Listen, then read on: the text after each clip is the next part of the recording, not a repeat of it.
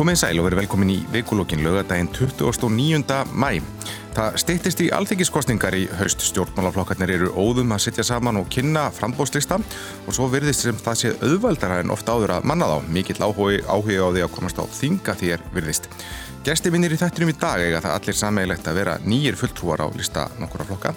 Eru þau Daði Már Kristófersson, varaformaður viðreistnar, Ardís Anna Kristínadóttir Gunnarsdóttir Pírutum, Brynja Dan Gunnarsdóttir Framsunarflokki og Tómas Andris Tómasson, Tommi í Bullunni, svo hann er oft, oftast kallaður flokki, eh, sem er flokki fólksins. Verið öll hjartalega velkomin.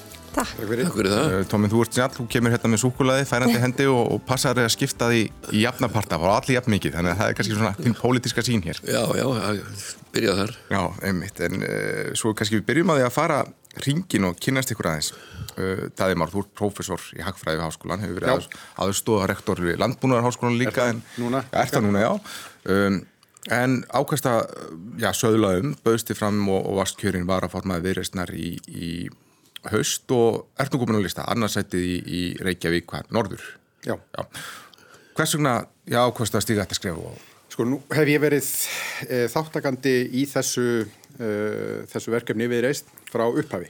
Þannig að raunar e, hófst þetta nú í, í þessi vegferði Já Ísland og svo vildi það bara þannig til. Ég hafði verið lengi stjórnandi á Háskóli Íslands sviðsfórseti félagsvístasviðs og, og hafði tekið ákvörðunum það að hætta því og þá var svona tími til að velta fyrir sér öðru möguleikum mm. og, og ég hugsaði ef ég dríf ekki þessu núna þá ger ég þetta sennilega aldrei þannig að það var eins gott að, kíla á bara að, að, að, að prófa þetta. Ég, ég hef haft uh, mikið áhuga á þjóðmálum mjög lengi og, og, og þetta er tækifærið. Mm. Og hver er þín svona sín og þínar áherslur? Hvernig, hvernig, hvernig, hvernig samfélag vilt þú að Ísland? Sko ég held á endanum þá, þá skipti uh, mestu máli að Ísland uh, bjóði öllum sínum þegnum eins jöfn tækifæri eins og nokkuð kostur er og, og það hefur alltaf verið stefna viðreysnar að reyna að tryggja það að fólk fái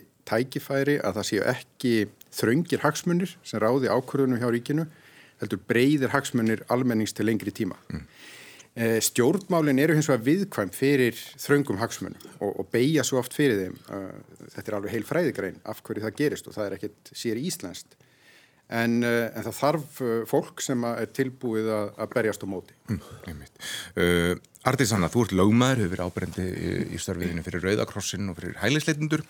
Uh, bróðiðinn, Helgir Hafn, hann er einna fórustumunum pírata, þannig að það kannski lág beint við að fara að þanga, en, en hvers vegna gefur þú kostaðir og hver verða þín áherslumál? Já, þetta er nú kannski svolítið skemmtilegt að því að þegar við vorum yngri þá, átti, þá held ég að fólk hafi nú átt meiri vona því að ég myndi fara í pólitík heldur Já. en hann nokkuð tíma. og ég þreytist ekki á að segja frá þeirri sögu þegar að hérna sagt, uh, hann, bróð minn, hann er með tónlistaræfi líka sem ekkert margir vita af og, og fólk gerður af fyrir hann er í tónlistamæður og ég er í stjórnmálumæður mm. en sama ár og Helgi fór fyrsta þing þá spilaði ég á Airwaves í fyrsta skipti með hljómsveitunum minni. Þannig að það nú kannski uh, það er kannski langt síðan að mér datta fyrst í hug að fóra út í stjórnmál en svo hins vegar hef ég ekki skipt mér af í allmörg ár. Uh, þetta, þessi hugmynd kemur upp núna, ég sérst er að koma heim úr doktorsnámi, mm. ég var í doktorsnámi í, í Fraklandi og kom heim meðal annars út af, af heimsvaraldrinum og annað og, og þá náttúrulega maður stendur ákveðinu krosskutum og kannski svona aðstæðir sem að maður eh, sá ekki fyrir eins og ég held að ég bara við marga. Og einhvern veginn bara sá ég þetta fyrir mig sem rétta tíman Uh, ég hef alltaf verið, ég hef alltaf staðið þeirri trú að það sé mitt hlutverk að, að hérna, taka þátt í að reyna að bjarga heiminum mm. og þetta er náttúrulega bara einleið til þess það ja. er náttúrulega bara að vinna að bættu samfélagi Já, og hvað, hvaða mál svona ætlað þú að setja á ottin? Það, það kannski gefur alveg að, að útlendingamálun er í mitt aldrei ofalega huga alltaf ja. en það er náttúrulega, það er náttúrulega bara einn ángi af því sem er mér mesta hjartasmálið og pírata yfir höfuð sem eru mannréttindi mm. það er líðræði á gagsæi og það er í rauninni svolítið þetta raunverulega frelsi einstaklingsins mm. sem, a, sem að við bærjumst fyrir og allt, allt miðast út frá. Mm. Brynja Dan Gunnarsdóttir, þú ert kunn sem frumkvöðul og frangvöldastjóri, vinsall áhrifavaldur á, á samfélagsmiðlum og jú, jú. rekur ekstra loppuna núna ekki satt. Rétt. Um, Verður öðru sætti á lista framsunarflokksins í Reykjavík Norður og eftir uh, ásmundi uh, einari dagaðsinni? Uh, það kom hressilega óvart að sjá nafn þetta á lista framsunarflokksins, verður að segjast. Uh, hvernig kom þetta til? Herri, ég kannski svona emitt var svona, ég er kannski svona óbeint búin að vera samt svona einhvern veginn að- sá þarna einhvern veginn, bara þetta hefur svona blunda í mér alveg af og til og, og hérna ég trúi því svolítið að mann, ef mann langar að breyta ykkur þá verður maður svolítið bara að ganga í verkinn sjálfur Já. og, og hérna ég hef verið að, rugga alls konar bátum og, og kannski loksins langar bara í vettvang þar sem ég fæ tækifæri til þess að breyta Já. Og láta verkinn tala Mm. Og framsvonarflokkurinn, láð það beint við að þú myndir vilja fara þangað? Nei, ég hef svo sem ekki verið flokksbundin hinga til. Ég kem úr mjög rauðri fjölskyldu úr hafnafyrinum Já.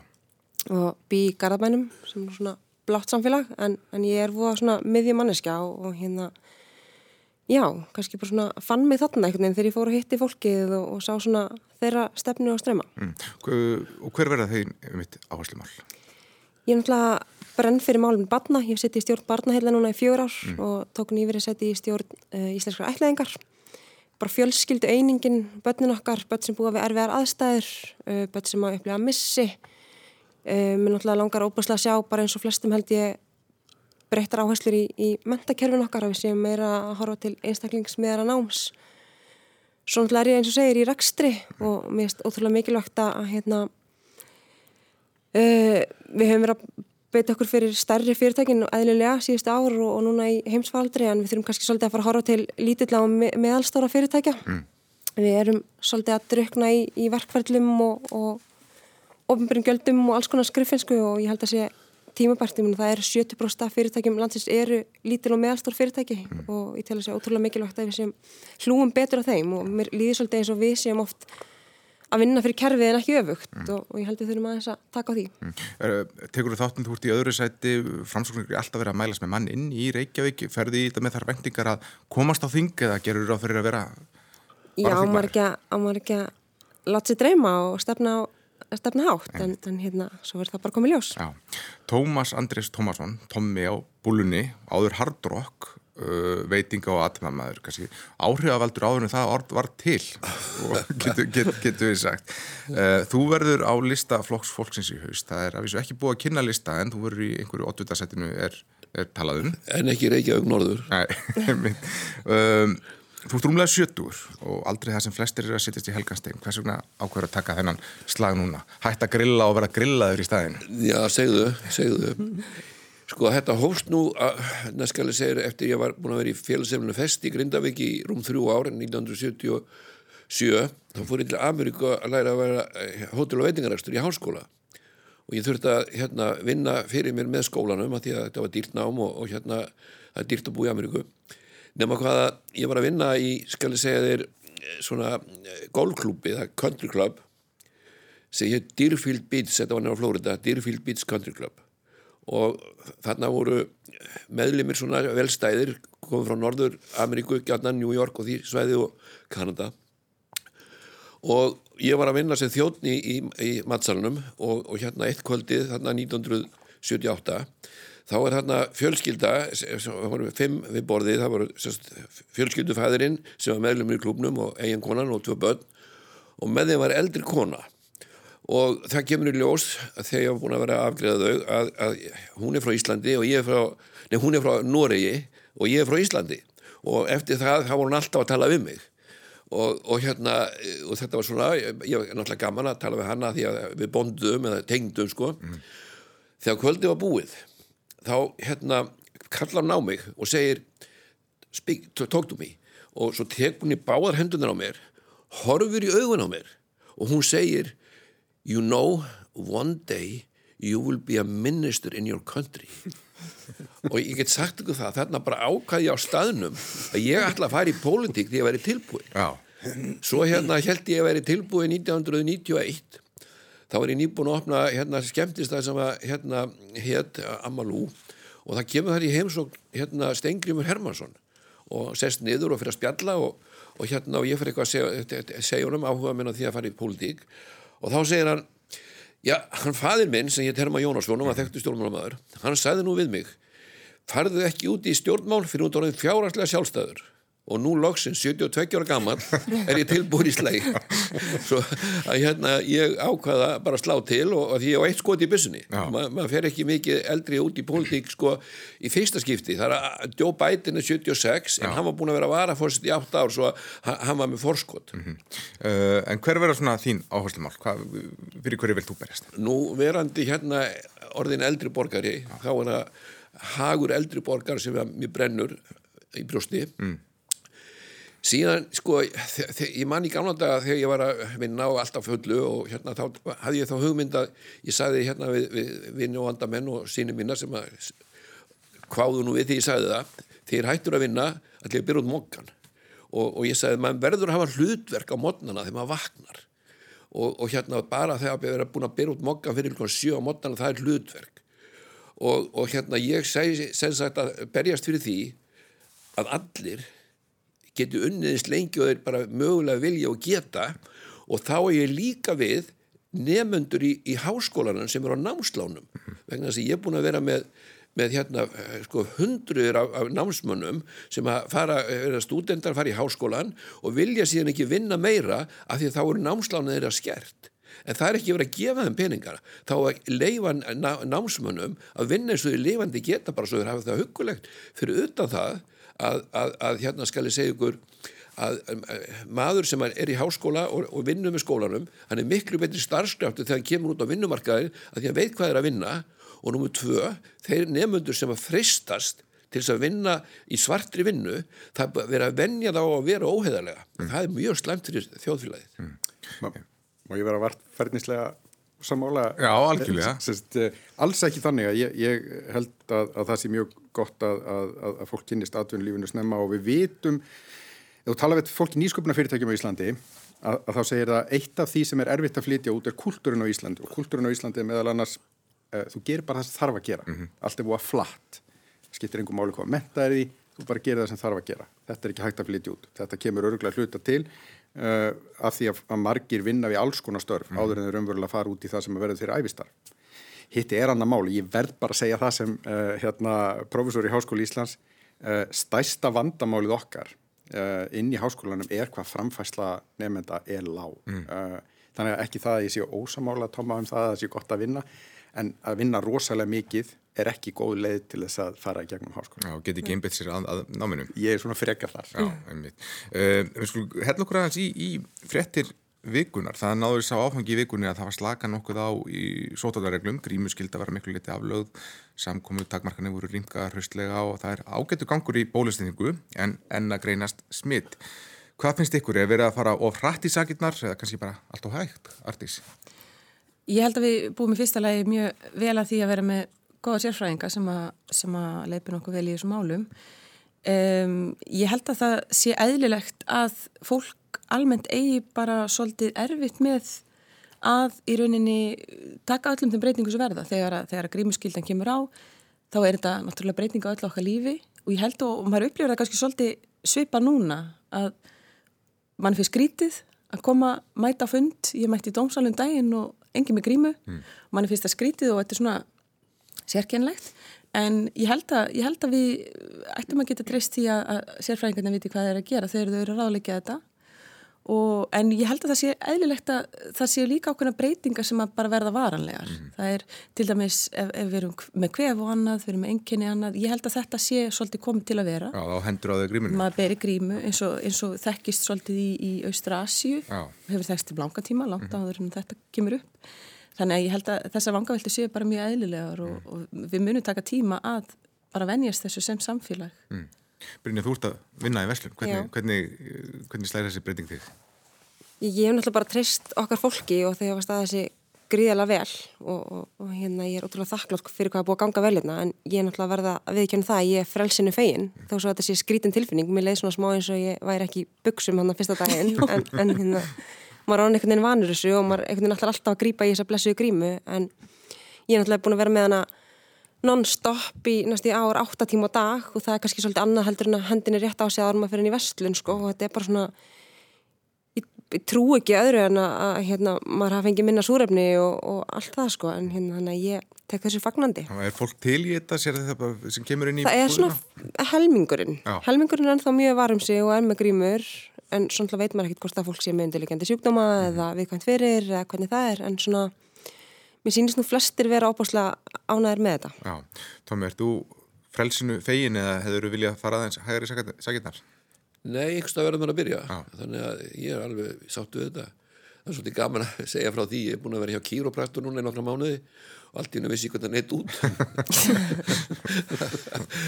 hérna, Þú er ekki beðin að setja upp grímur og svo þekktir hann. já, sko, ég, ég er alveg sáttu við þetta því að hérna, auðvitað að ég, eftir að koma með einhver smit og svona en, en, en það bara, verður bara að taka að við, við erum sko við erum að mónitora þetta svo vel. Þannig ef það kemur eitthvað upp á þá erum við svo snögg að, að, hérna, að, að, að þjóði veit þetta bara á, nánast á bara vett, vettfangi einu vettfangi sko, ef eitthvað kemur upp á. Og, og, það er svo auðvilt fyrir okkur með að við erum stólönda sem að fólk hlustar mismunandi á, á fjölmiðlan og svo leiðis að við bara allir vita þetta bara strax Mm.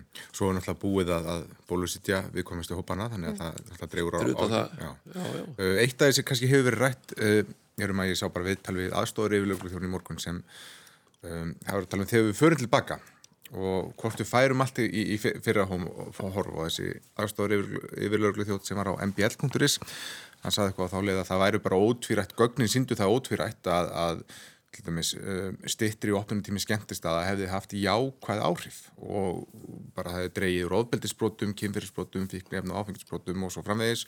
Og hann spurði vil, viljum við fara aftur í samanfarið og þá hlóttu við að spyrja hvað er við að ganga látt aftur? Er við að fara, Eiríkur Bergman var að tala um þetta líka í vikunni að það væri svona þegar við væri búið að leggja svona bönn á að þá væri kannski trægða við að fara alveg aftur uh, í, í samastafu vorum. Er hvernig horfur þetta við þér?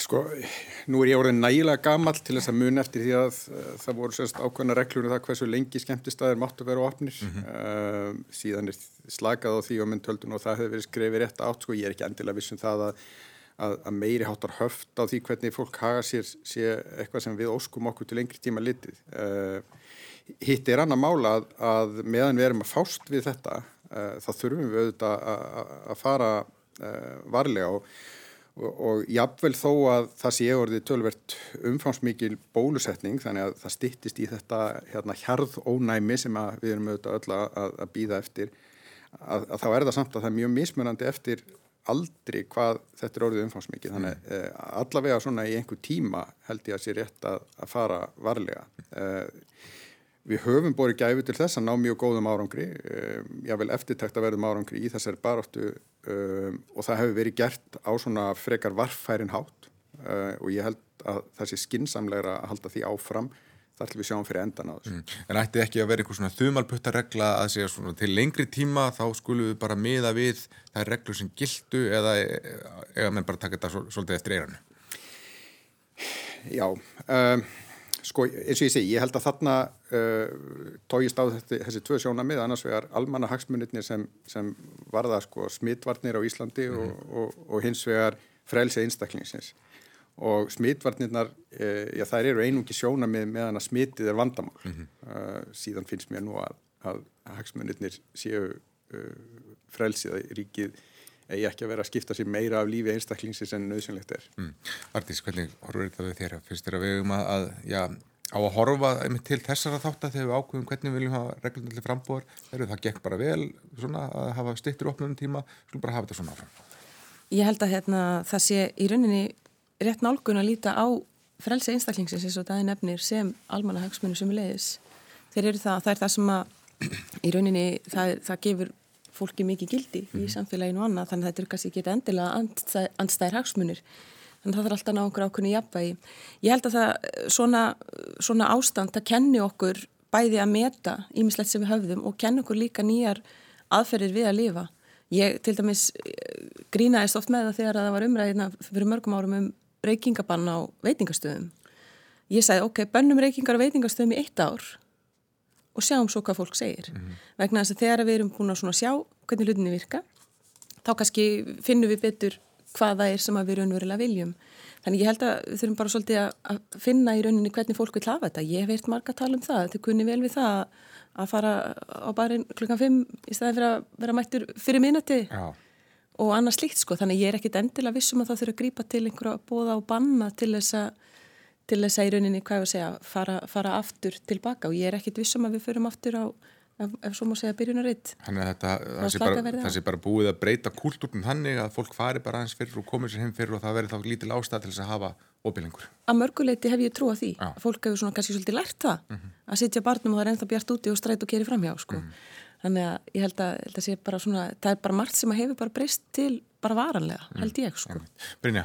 Já, ég, hérna, það er kannski orðið svona hliðrun á þessum skemmtana tíma fólks og hérna bara svona ef við lítum á, á lendinni kringum okkur þá er það kannski svolítið íslenskt fyrir bara að vera með opið til 6-7-8 á mótnana og, og fólk var að gefa öndanum brauð og umlega fólk sé að slýsast heim sko. Þannig að ég er svona, held kannski bara um þetta að staðnir þurfi svo bara að meta það hvað er, hvað er best að gera í stöðinu en, en fyrir mína parta þá einhvern veginn finnst mér sniður að hafa opið aðeins stittra og, og hérna Það kannski ekki alveg að fara út í þessar, já, emið, fyrir ekki að fara út í þessar öfga að vera alltaf heim klukkan sjö, sko. Mm.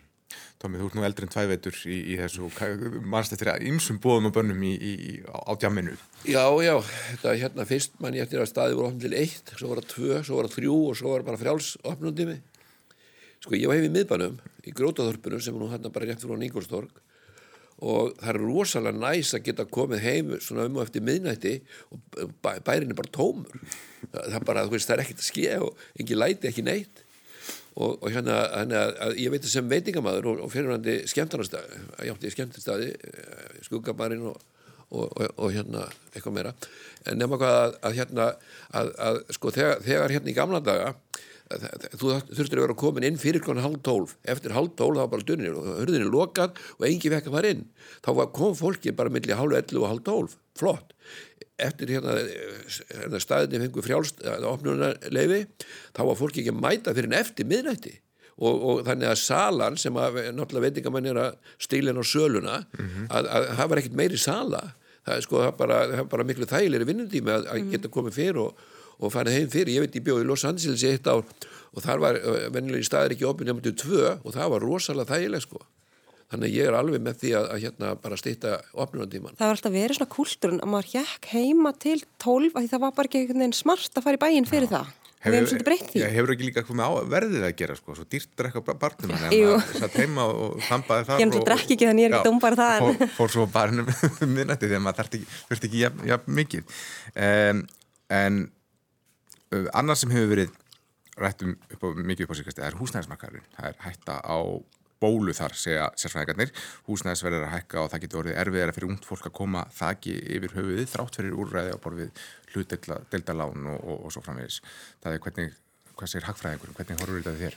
Jú, ég, ég var nú að taka undir með Sælabankastjóra sko, sem saði að það, markaðurinn mætti fara að róa sig. Ég, ég held að þarna sé ákveði vandamál.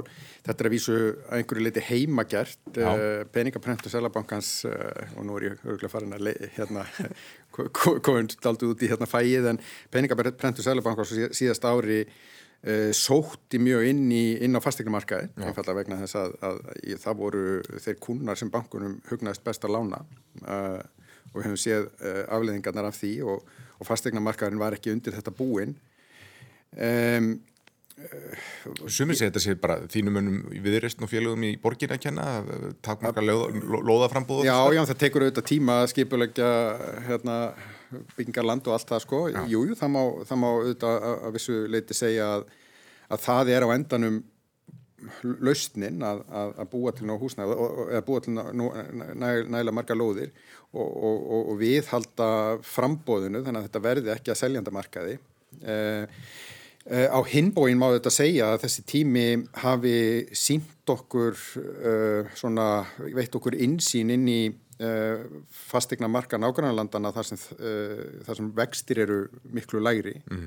og við höfum auðvitað að tala mjög fyrir því að, að, að krónan sé tengd erlendum uh, gjaldmeili eða efrunir umvölulega svo ég tala nú bara hreint út um, uh, vegna þess að það að koma sér þakki yfir höfuðið á Íslandi er óheirilega dýrt. Að samanbúri við hvað það er í nákvæmlandunum og hér er nó land, það er engin ástæða til þess að frambóðið ætti að vera takmarkandi þáttur, byggingakostnaður er það sem hann er, uh, restin er síðan bara fjármarskostnaður og það að sjárum verulega hversu mikið, mikið auðveldar að þetta getur orðið með uh, hakkvæmri lánskjörum já, það, það, það sýnir okkur hvað þetta skiptir miklu máli.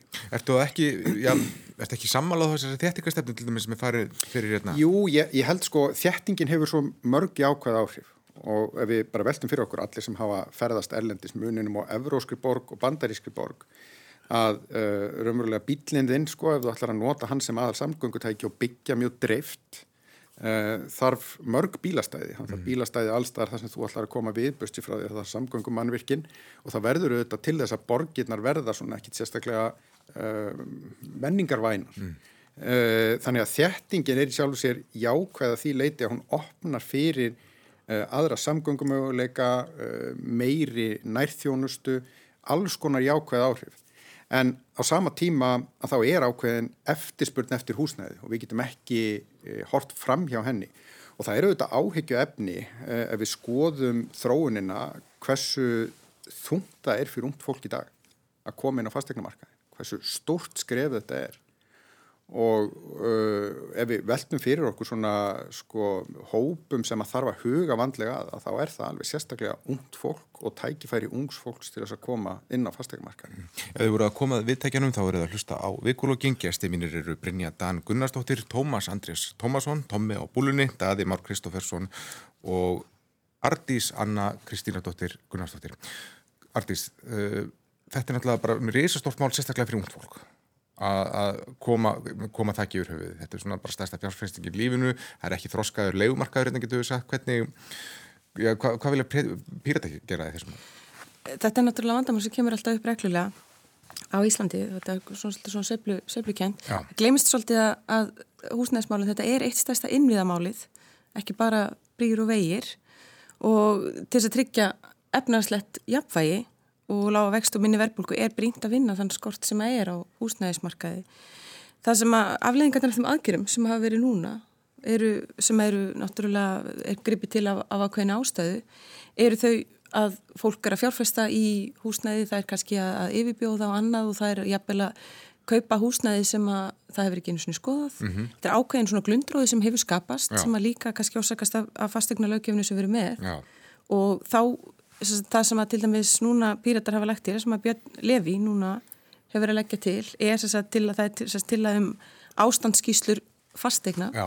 til þess að tryggja öryggi í fastegna viðskiptum og mögulega hæja eins á þessum glundróða ef við, ef við meðum orðaða þannig en það er náttúrulega þessu undirlíkjandi frambóð skortur sem að, sem að þarf að leysa og það er bara hægt að gera með samstiltu átæki og það, er, það þarf að vera kannski meira, meira svona samstilt hvað ég segja, áallun um, um húsnæðisbyggingu. Já, það var einhvers sem sagði það, að þú kaupir dínu og farið 30 dagar til þess að ákvæði hvort þú, hvort þú ætlar að kaupa hann eða ætlar að kaupa hús, þá farið valla tækifæri til þess að skoða hann.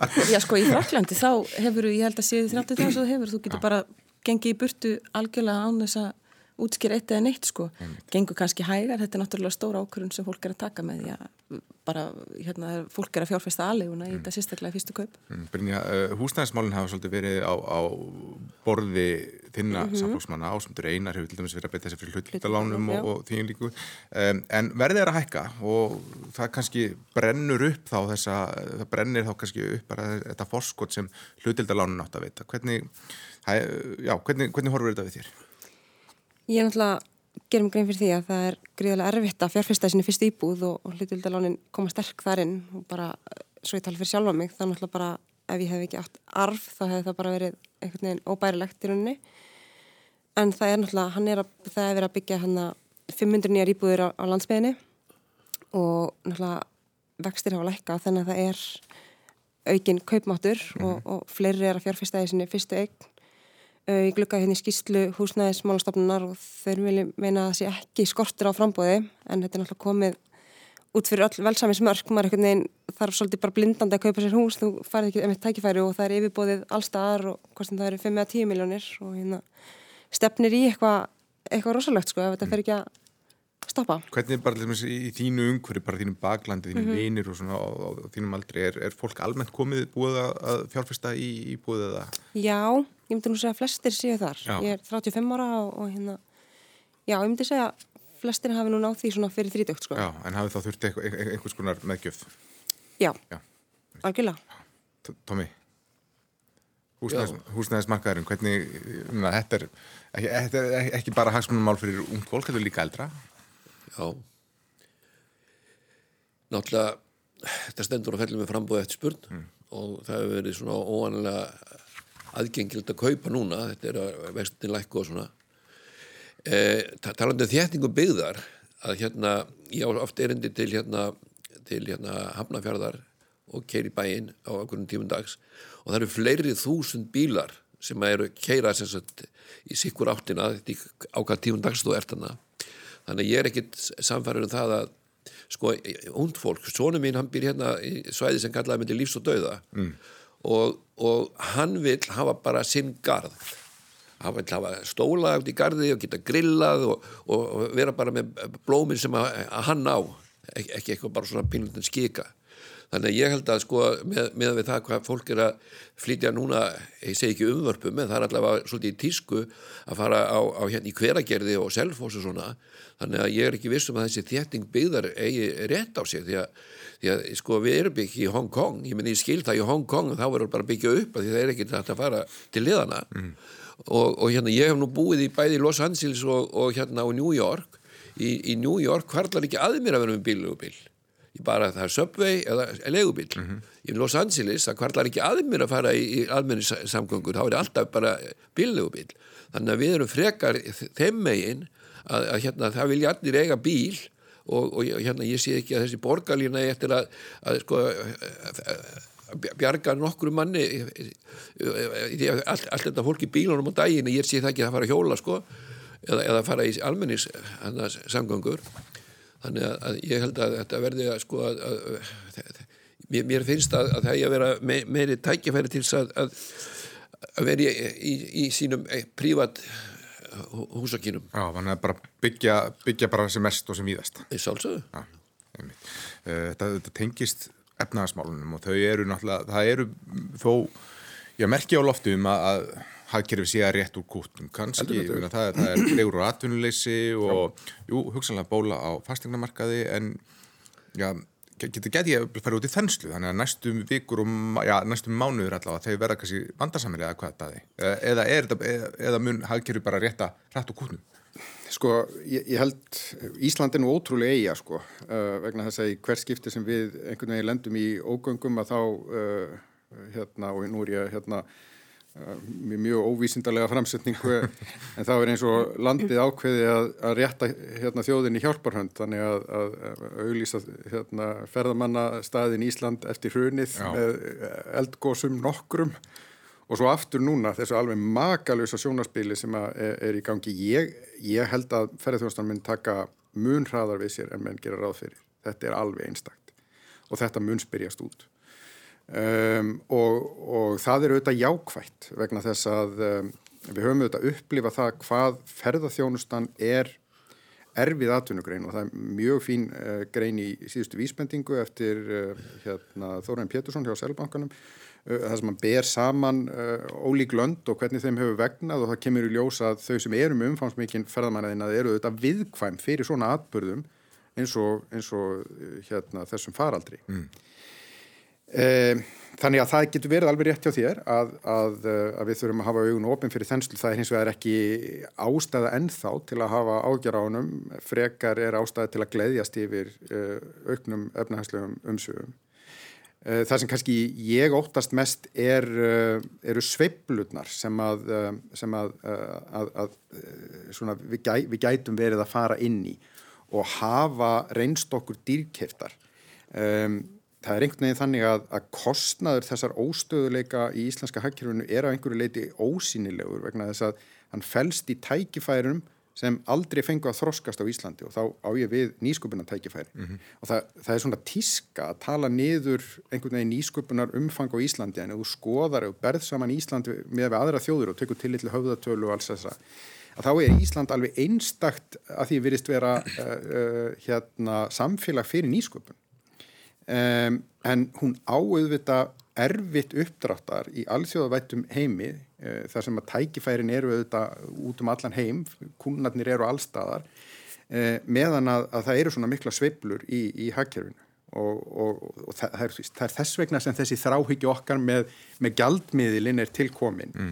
um, uh, að ég óttast auðvitað þá, kannski eins og þú er svolítið að lýsa að við séum að fara inn í sveiplukenda framtíð á næstu árum sem er ekki gott fyrir okkur til lengri tíma lit. við þyrtum fleiri stóðir undir Íslands efnaðarslíf við eigum mannöðin, við eigum klátt ungt fólk sem er eða bara fólk á öllum aldri sem er stöðugt að fá snjallar hugmyndir en tækifærin til þessu raunverulega að, að uh, hagnast á þeim eins og, og, og sangjant og réttlætt væri eru takmörkuð af, uh, af óstöðuleika Íslands efnæðarslífs, háum, háum fjármaskostnaði uh, þessu sem, a, sem að við höfum verið að gaggrína. Já, uh, Artís, við höfum þetta Elgós það er að laða fólk, er, Æsland er, er í starttólunum og, og ja, ja, byrja bara að fljúa aftur og play er að fara í lofti í, í haust ferðarþjónastan til í þetta reyndar bara erfitt með að fá fólk í vinnu kom fram í, fréttununa en svo segja aðrir, herru, viljum við fara í þetta aftur? Einmitt að því að við vorum að lendi því að við bara, vorum fótt 2 miljónir hérna á ári og bara innviðinni voru ekki til staðar. Hvernig, já, er, er þetta lausnin eða eru við að já, pissi skóin með því að fara veðja á þennan kost aftur? Þetta er hérna, einmitt svolítið skemmtileg orða, þetta er náttúrulega það sem við hefum verið að benda á, þannig að mikilvægast að efnagsmáli er eins og það er bendur á, það er að fjölga stóðum undir Íslands datunulíf og á Íslandi hefur verið rekið eins konar kvalreka hagkerfi þar sem að hér beðið eftir því að eitthvað, eitthvað renna á fjörurnar, fiskur, ál, ferðamenn rekja fjörurlandsins mm -hmm.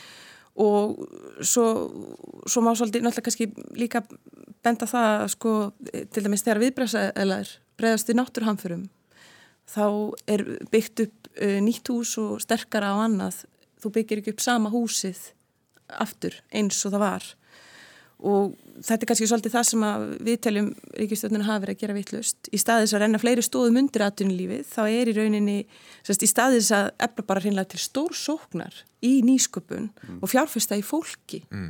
það ákveði Ríkistjóðnin í rauninni að eða óheilum fjár, fjármunum í að við halda sama fyrirkomulegi byggja upp sama húsið og það sem við teljum að sé leiðin út úr til dæmis bara eins og COVID-greppunni það er sagt, að í staðis að því ofinbæra velji ykkur eitt eða tvö gæluverkefni þá sé fólkinu falið að velja hugmyndirnar og annað. Og það er náttúrulega þar sem að þar sem að eh, raunverulega styrka aðtunulífi byggist upp, það er náttúrulega fólki og þeirra hugmyndi. Þannig að það þarf að tyggja fólki fjárhúslegt öryggi til þess að geta unnið að sínum hugmyndum. Mm. og svo allir geti tekið þátt í endurreysninni það sé ekki fyrirfram ákveðið. Við sem ekki byggja upp sama húsi aftur. Mm. um Brynja, atvinna, atvinna, atvinna. Þetta sagði Sigur Ringi uh, þinn formaður, getur við sagt núna. Uh, og, og já, það lítur út fyrir að það muni verða meiri atvinna í, í sumar en, en skiptir máli hvers konar atvinna það er sem er í búið? Já, það náttúrulega er, er búið að setja laginir hérna 7000 nýstörf mm -hmm. og, og verða 10.000 skilst mér. Og hérna nú þegar hafa 900 manns nýtt sér hérna átækið hefjum störf og við sjáum að atvinnuleysi fór úr, úr 11% í apríl og komin í 9% núna. Þannig að mér, mér sýnist þetta alltaf rétt að segja fljótar en allavega Íslandsbanki og spá þeirra gaf út. Þeir gerður á fyrir 2023 en, en ég held að vinnumálastofnun sé nú að horfa meira bara næsta ár. Mm. og þetta er það frábært en svo hérna dettur hlutabótalegi núna út og það verður forundilegt að sjá hvort að fólk gangi aftur í störfin sín eða hvort að þau lendi á, á bótum með ykkur millibils ástandi eða hvernig sem það er. Þannig að ótrúlega, ótrúlega áhugaverð þróun í gangi. Já, en finnst þér svona stjórnvöld hafa staðið sér vel í að takast á við uh, þessu COVID-kreppi? Já, þetta má alltaf gera betur mm. og hérna, emitt, það þarf að virkja fólk og, og emitt, gefa í hérna sjá til þess að, að geti skapa sín einn tækifæri og, og þess að það er, en auðvitað er þetta bara búið að vera eins og margótt hefur komið fordæmilisi tímar og hérna, fólk bara svolítið reynda að spila með það. Mm. Tómið, þú ert í rekstri, hvernig, hvernig, ja, hvernig reddi þér af í þessum faraldri? Já, við vorum svo heppin hérna í hambúrgarabúlunni að, að hérna það var auðvelt að taka mati með sér heim. Já. Þannig að fólk að tringt og pantaði og svo bara beðið út í bíl þess vegna og, og náði svo bara í matin þegar hann var tilbúin. Og, og hérna þannig að við urðum ekki fyrir neinu sérstökum skakaföllum þannig, ég mun að við ekki gera það. Mm. Eh, en var það nýsköpun að, að hérna menn fá hugmyndir og, og hérna og það er bara lítið blota hugmyndur sem kemur til að virka. Og þetta er alltaf spurning hver á fjármagna sko alla sem eru með hugmyndirnar.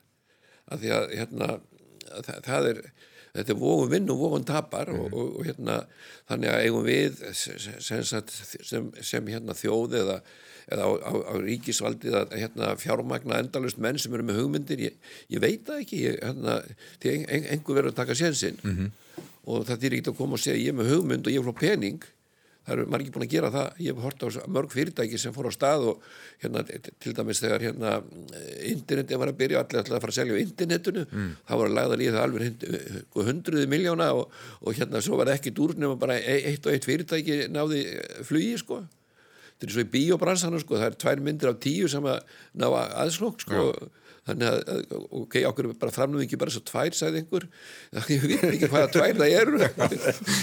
Þetta er alveg rétt sem að Tom er að segja hérna og, og, og ég held að sé mjög mikilvægt sko, uh, nú er ákveði vandamál uh, sem er sem sagt krónan sem gera það verkum að fjármögnun uh, nýsköpunarverkefna frá erlendum aðilum er svolítið snúin. Mm. þeir, þeir óttast krónuna og nú á að setja lögum sem, sem veitir selabankanum leifi til þess að setja á höft bara þegar honum hendar uh, það mun ekki auka áhuga þeirra. En það eru þetta einn risastór fjárfestir á Íslandi uh, algjör fíl inn á íslenska markanum sem eru lífeyrisjóðinir og, og, og þeirra tækifæri til þess að raunverulega borga mér eftirlaun þegar það er að kemur og ykkur öllum mm Eh, stendur og fellur með því hvernig íslensku efnæðslífi reyðir af vegna þess að þeir fjárfesta langsóla mest á Íslandi mm. og maður er svolítið hiss á því að þeir skul ekki hafa verið stórtækari í, fjár, í eh, fjármögnun uh, nýsköpunarverkefna vegna þess að þó að, eins og Tómi segir algjörlega réttilega, næstu því öll þeirra floppi, að þá eru það þessi fáu sem að, sem að réttlæta allan leikin uh, og, og fjárfestingar í nýsköpun uh, hafa þetta að skila tölvöld mikið águstum þó að margir hérna, mörgur reyði ekki vel af mm. en það er líka mikilvægt að halda allir haga að, að uh, þessi nýsköpunar vilji uh, ég veit ekki hvort, hvort fólk átta sig á því að hann er mestur í Norður Evrópu þar sem eru þessi örgu net undir fólki af því að ef að þú veist að það verður tekið við þér ef að, ef að hlutinni floppa þá þorir miklu frekar að taka áhættu menn segja banderski draumur er lifið góðu lífi í Svíþjóð Já, uh, Artís, uh, það er samherri, hann hefur verið mikið í frettum síðan tvær vikur eftir að uppkomstum ráðabrug starfsmanna fyrirtækisins til þess að kasta rýrða á bladamenn og fleiri sem hafa verið gaggrínir á fyrirtækjum í tengslu við namenbíumálið.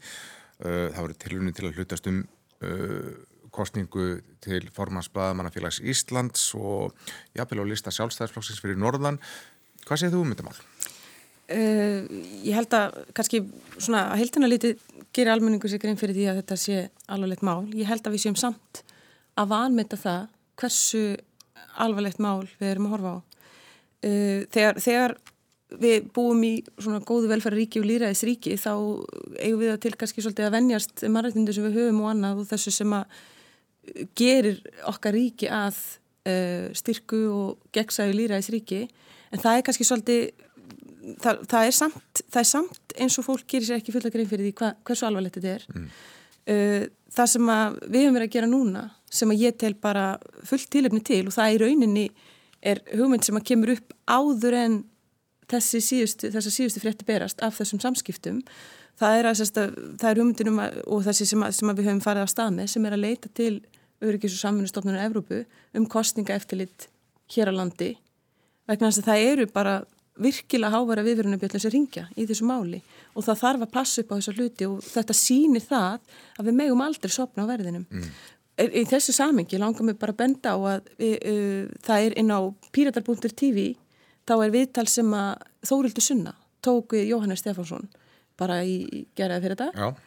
og ég bara hvet allar til, til að kíkja á þetta mm. og kynna sér þetta og bara virkilega skoða hvað það er sem við erum að horfa á hérna. Mm. Eitt kannski sem þetta drefur þó fram í dagsljósu að þrátt fyrir viðlætni þessar stórfyrirtækis til þess að hlutast um mál og, og koma sínum manniða og lista og, og hvort sem er heldur hjá, hjá, hjá sjálfstæðarflokkum fyrir norðan eða í bladamannafélaginu þá bar það ekki árangur, það virka ekki, gátu það ekki, er það ekki þá allavega eitthvað tröstleikamerki á heimbói? Það er vissulega mjög, mjög þannig.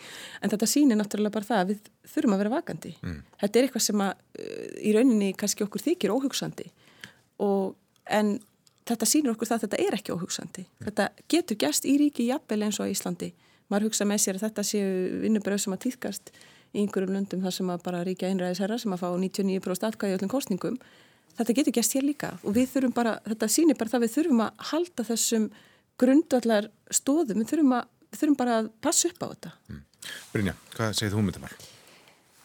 Úf, ég ætla ekki að ljúa því, mér finnst þetta orðin óttalegur sandkassalegur og bara einhvern veginn orðið skrítið að fylgjast með þessu öllu saman en, en ég hérna, vil samt meina það að við verðum einhvern veginn bara að trista okkar dómskerfi til þess að reyka þetta mál þó sem manni finnist skrítið að það sé búið að dæma banka í Nóri tilsaktar og, og fólk í námbíu fyrir fyrir aðelda þessu og svo einhvern veginn gerist ekkert hér en þetta er það að há alvarlagt ef við erum að brjóta á mannreftindum fólks einhverstaðar í heiminum og hérna og ennþá alvarlega er mitt ef að úst, hver hefur ekki sagt eitthvað á, á messenger við fólk en, og þegar þetta fyrir að leka út en þegar þetta fyrir að snúast um það að við séum farin á áhrif á líðræðislega kostningar þá sjálfsögur kemur það okkur við og, mm. og við eigum að eigum að skoða svona hluti sko og taka, taka þeim alvarlega mögum mm.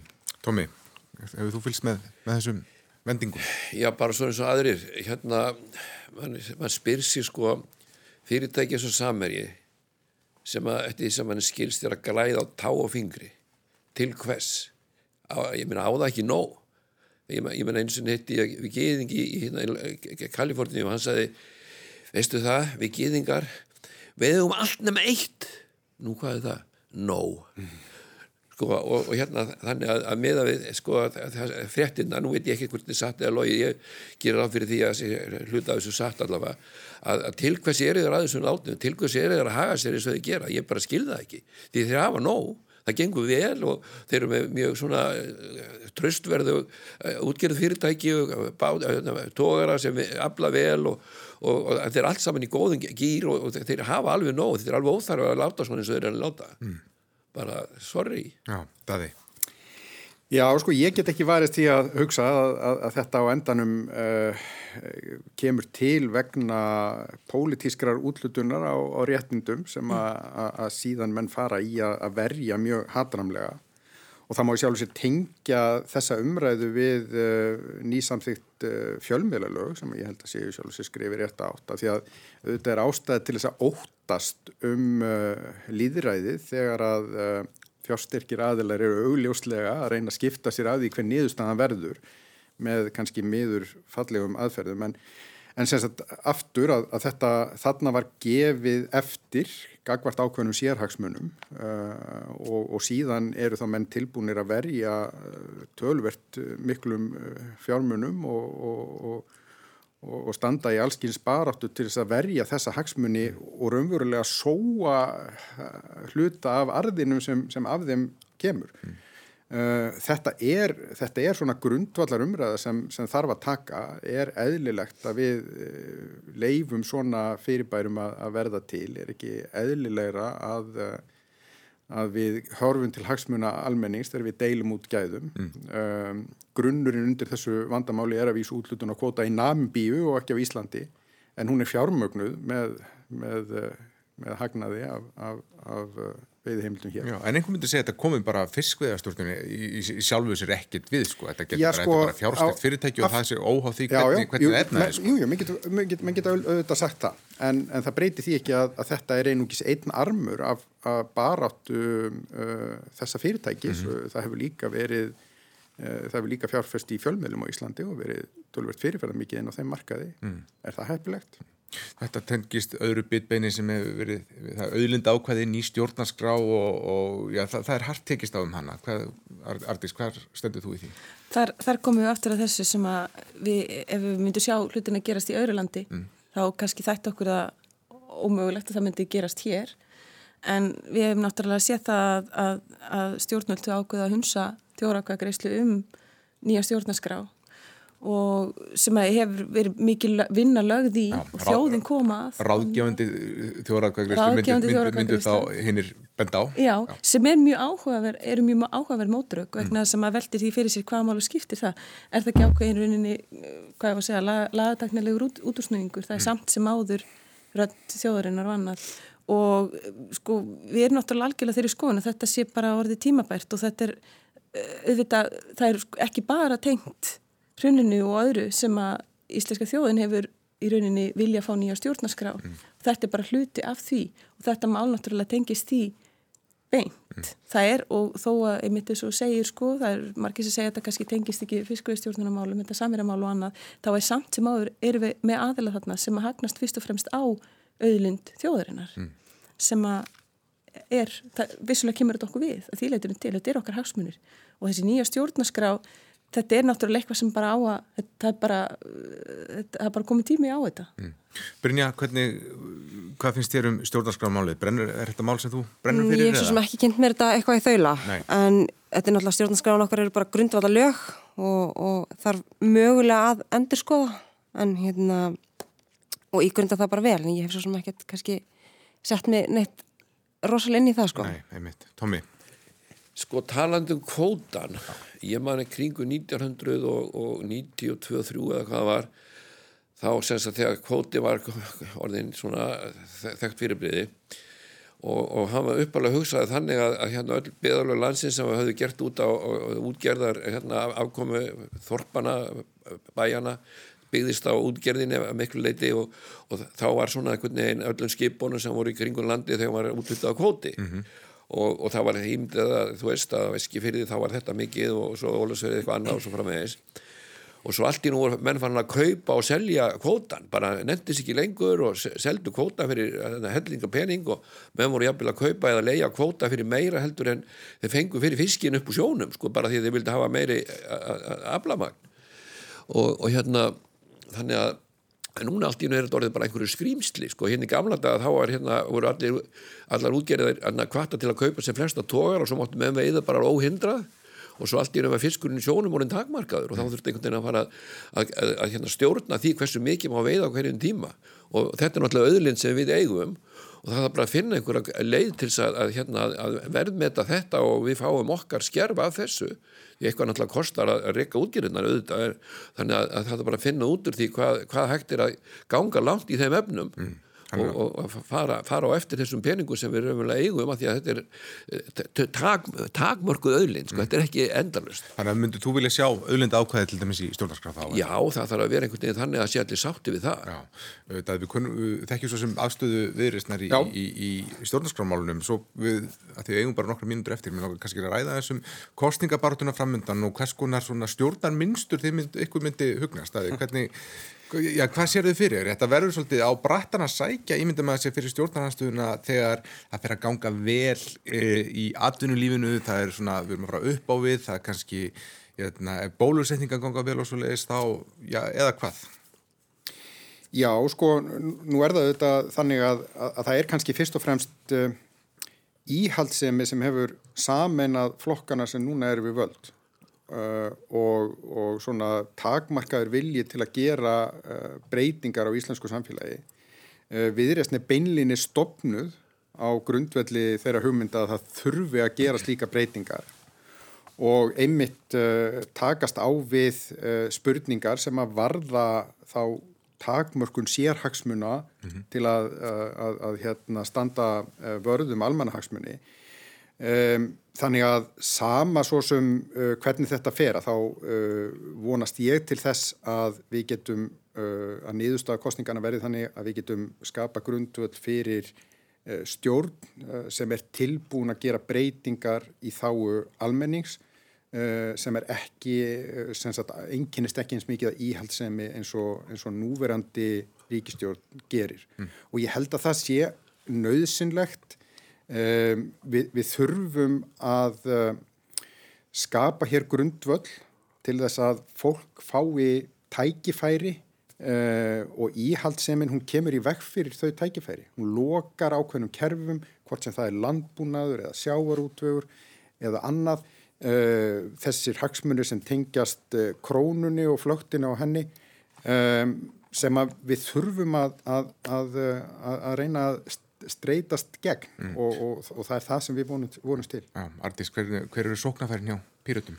Ég held að sóknafærin séu nákvæmlega í rauninni því sem að það er að lýsa. Það er ákveðin stöðnun í gangi og það er ákveðin ótti við að, ef ég ætla bara, þetta lóma klísulega, stiga inn í framtíðina og þá langar mér kannski svolítið að hérna, vísa í, í vísa, hérna, vittna í þingmann miðflokksins sem er bent á það á þingi fyrir stuttu að píratar þeir veru á undan sinni framtíð að þetta held ég að sé bara mjög lýsandi og sóknarfærin eru þar, þau eru í því að við gerum það breytingar sem þarf að gera til þess að treysta grunnstóður og svolítið bara ganga inn í, inn í breytan heim mm. vegna þess að heimurinn hann hættir ekki að þróast þó að, þó að við séum rættuð það mm. og við þurfum að fylgja því til þess að geta haldið haldi þeim árangri sem hefur nást hinga til bara í því að byggja betra samfélag. Já, Brynja, uh, framsvonarflokkurinn þetta er landsbyðaflokkur og hefur átt, kannski, átt í vöga verjast hér á höfuborginni hvernig, hvernig metur þú stöðu þína og, og bara ykkar boks hér? Ásmundur hefur verið að gera frábæra hluti. Mm. um, hann er náttúrulega er að færa sér hingað og vonandi fylgir honum eitthvað fylgi. Og ég hérna, trúi því að við séum bara að fara að stila að bættu um hag og bættu umhverfi barna og fjölskyldunni eins og ég talaði um í byrjun og Við erum alltaf með gríðilega sterka manneski í þrjasett en Þórunni sem var að skilja á sér hérna formannsku fyrir landsamband eldriborgara og, og hérna ætlaðum við bara þau ætla að fara í það að teikna upp, upp nýtt útlitt fyrir, fyrir eldriborgara, þú veist, eða félagsleiri einangrunn og, og svolítið yfirfæri kannski það sem þið hafa gert fyrir börnin að fara í saumana á, á ferlunum og kerfunum og Já. gera betur þar. Þi, Þið, þið veðið á það, Tómi Örstutt í, í lokin, þið er að halda ykkur, þið ætlaði að reyna að halda ykkur inn á þingi í, í, í flokki fólksins. Sjálfsögðu. Já Og gott betur kannski? Heldur betur. Þannig að þú, þú ert til í slægin búin að tatúira þig og, og hvaðina? Já, ég meiri sé sko með hérna, er hérna vörumerki söðfjárræktabænda sem ég með hérna með. Já, þannig Þannig, að þú stelur kannski smá fylgja framsókn. Já, ég, ég, ég, ég vil hérna, ég vil benda á eitt, að hérna, bara að lókum, að, að hérna sko það er hérna, ef ég má sletta svolítið á einsku, sko when you're green you're growing, when you're ripe you start to rot. Það þurfa að vera framfarir og svo, svo var hérna einn af uppbórum og tómahambólgurum sem voru allir að segja eitthvað sniðut eða einhverju speki, hann sagði when I thought I knew all the questions they changed all the answers. Svo, svo hérna Við gefum áhrifavaldinum tómabólunni loka orði, kæra þakki fyrir komuna. Daði Már Kristófsson, Ardís, Anna Kristína Dóttir, Gunnarsdóttir Brynjandan Gunnarsdóttir og Tómas Andris Tómasson, við erum að fá okkur smá súkulæði Takk fyrir. Mig Takk fyrir